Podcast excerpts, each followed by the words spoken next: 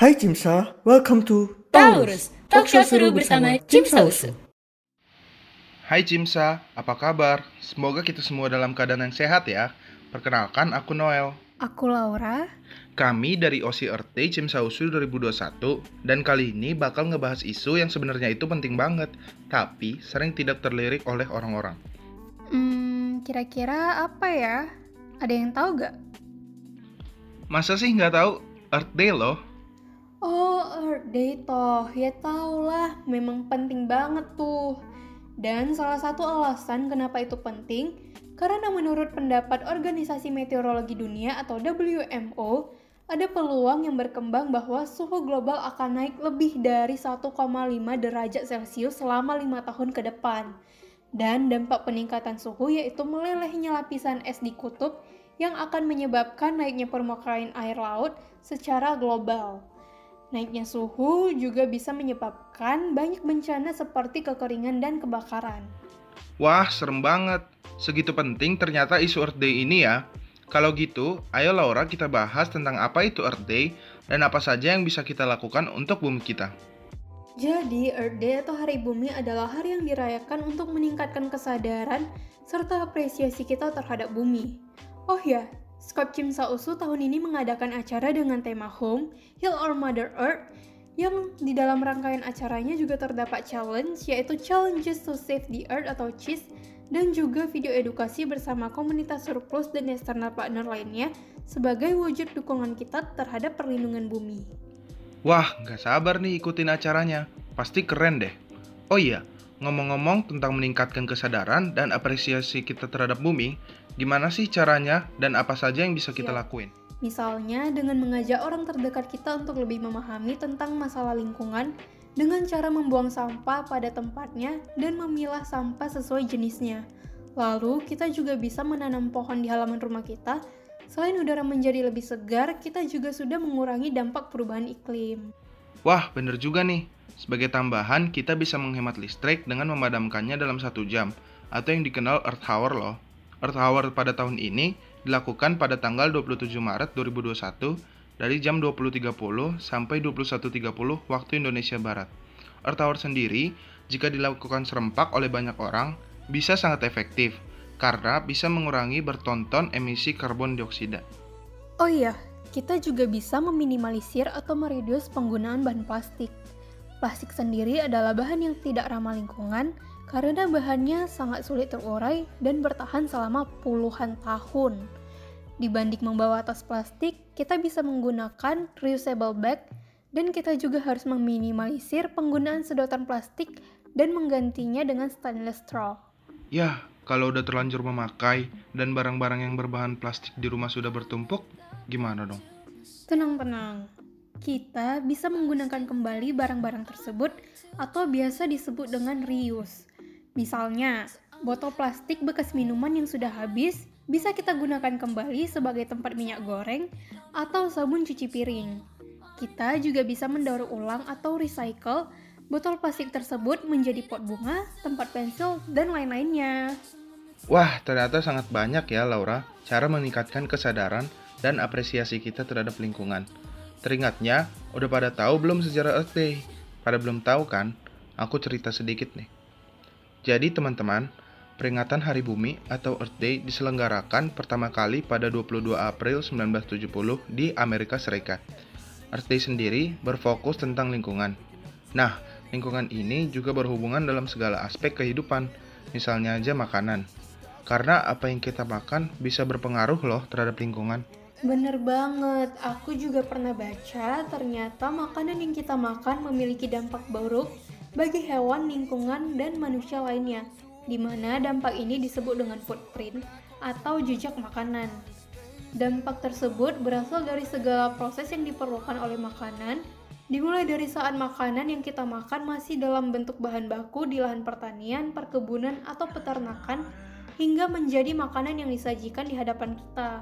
Proses-proses tersebut meliputi proses produksi, distribusi, dan konsumsi makanan.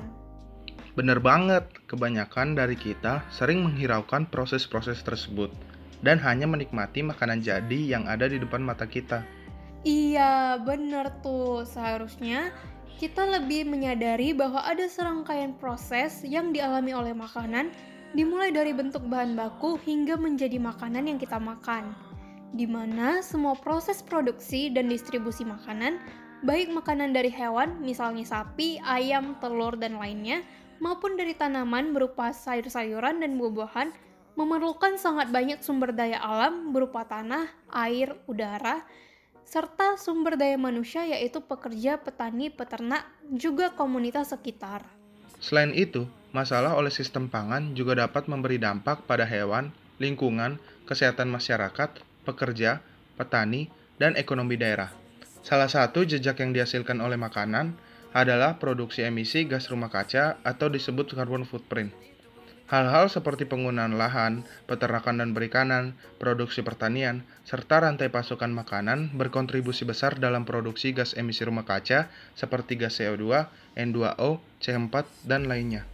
Jadi, adanya emisi gas rumah kaca dapat menyebabkan suhu bumi meningkat sehingga akan mengakibatkan terjadinya kekeringan akibat dari peningkatan evaporasi dan presipitasi dan juga menyebabkan melelehnya lapisan es yang akan meningkatkan permukaan air laut dan perubahan iklim yang ekstrim.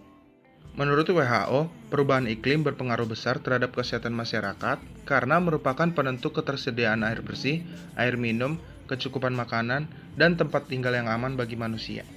Salah satu cara yang dapat kita lakukan untuk mengurangi dampak yang dibawa oleh footprint adalah dengan menerapkan Sustainable Green Movement.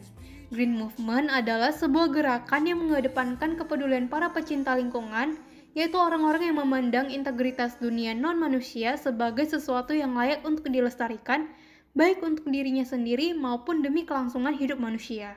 Selain itu, Environmental Working Group pernah melakukan penelitian dengan membandingkan emisi gas karbon dioksida oleh setiap 1 kg bahan makanan dengan jumlah emisi gas karbon yang dihasilkan saat mengendarai kendaraan sejauh 1 km.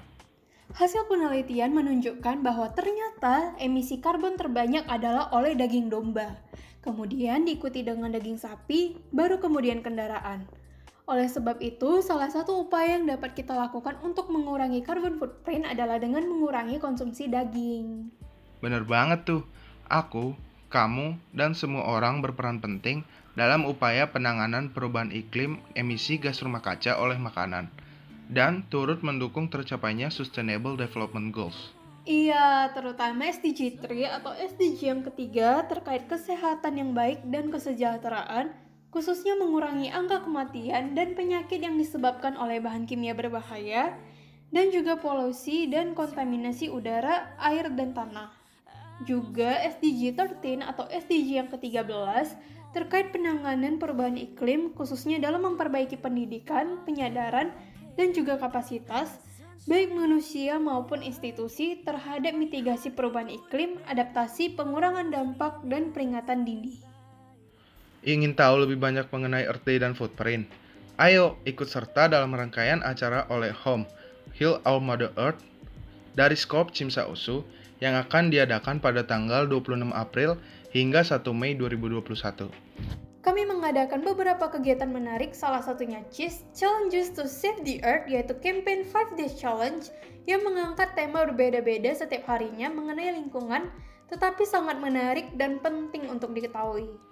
CIS mencakup tema mengenai Earth Day, Sustainable Green Movement, No Plastic Day, Footprint Calculator, dan Car Free Day dan juga telah diadakan training untuk para volunteers yang berpartisipasi dalam CIS yang bertujuan agar para volunteers dapat lebih mengerti mengenai Earth Day sebelum challenge dimulai.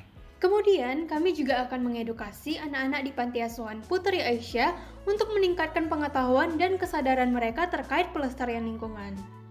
Oh iya, terakhir jangan lupa pantengin IGTV Cimsausu besok pukul 5 sore waktu Indonesia Barat ya karena akan ada wawancara menarik dengan narasumber komunitas surplus.